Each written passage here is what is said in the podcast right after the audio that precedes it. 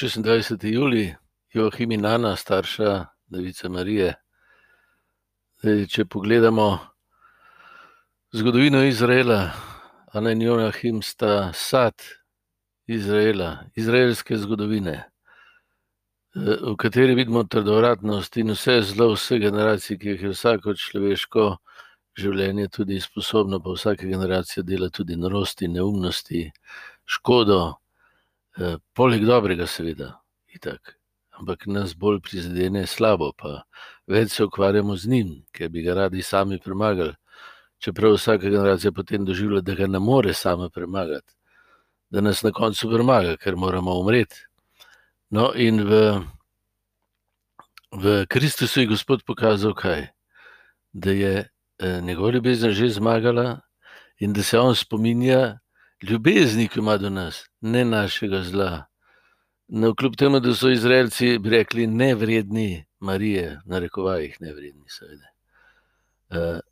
Pa jo Bog obudi med njimi, po Joachimu in Ani, da se potem Jezus lahko rodi, da nam pokaže, zakaj gre v tem življenju, kdo smo, čemu smo tukaj. Pa kako je Bog do nas v resnici znotraj vsega tega, kar drug drugemu delamo tudi slabega.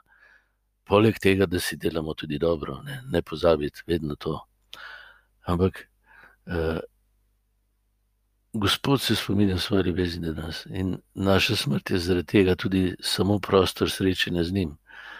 In o Mariji, ki je prva rekla: "Ja, Gospod, ti že veš, kaj delaš, saj si dosti velik."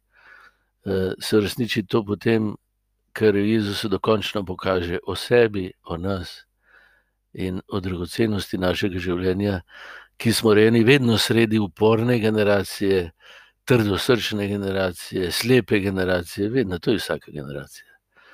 Vedno se več kot polovico življenja napihuješ pa uveljavljaš svoj mali jazek, da pol na koncu ugotoviš, da si ga zato prejel, da bi ga podaril in da bi iz njega naredil dar. in to je Bog vračunal. Da pol na srečanje vseh bratov in sester pridemo s svatevskim oblačilom, to pomeni, da smo vsaj malo zaslutili, pa mi smo sinovi, mi imamo očeta, mi smo bratje, v tem je lepota življenja. To je dar, ki nam je dan tudi po Joachimu in Ani. Vsem Anam, pa če je kakšen Joachim kje, tudi Bog vas živi.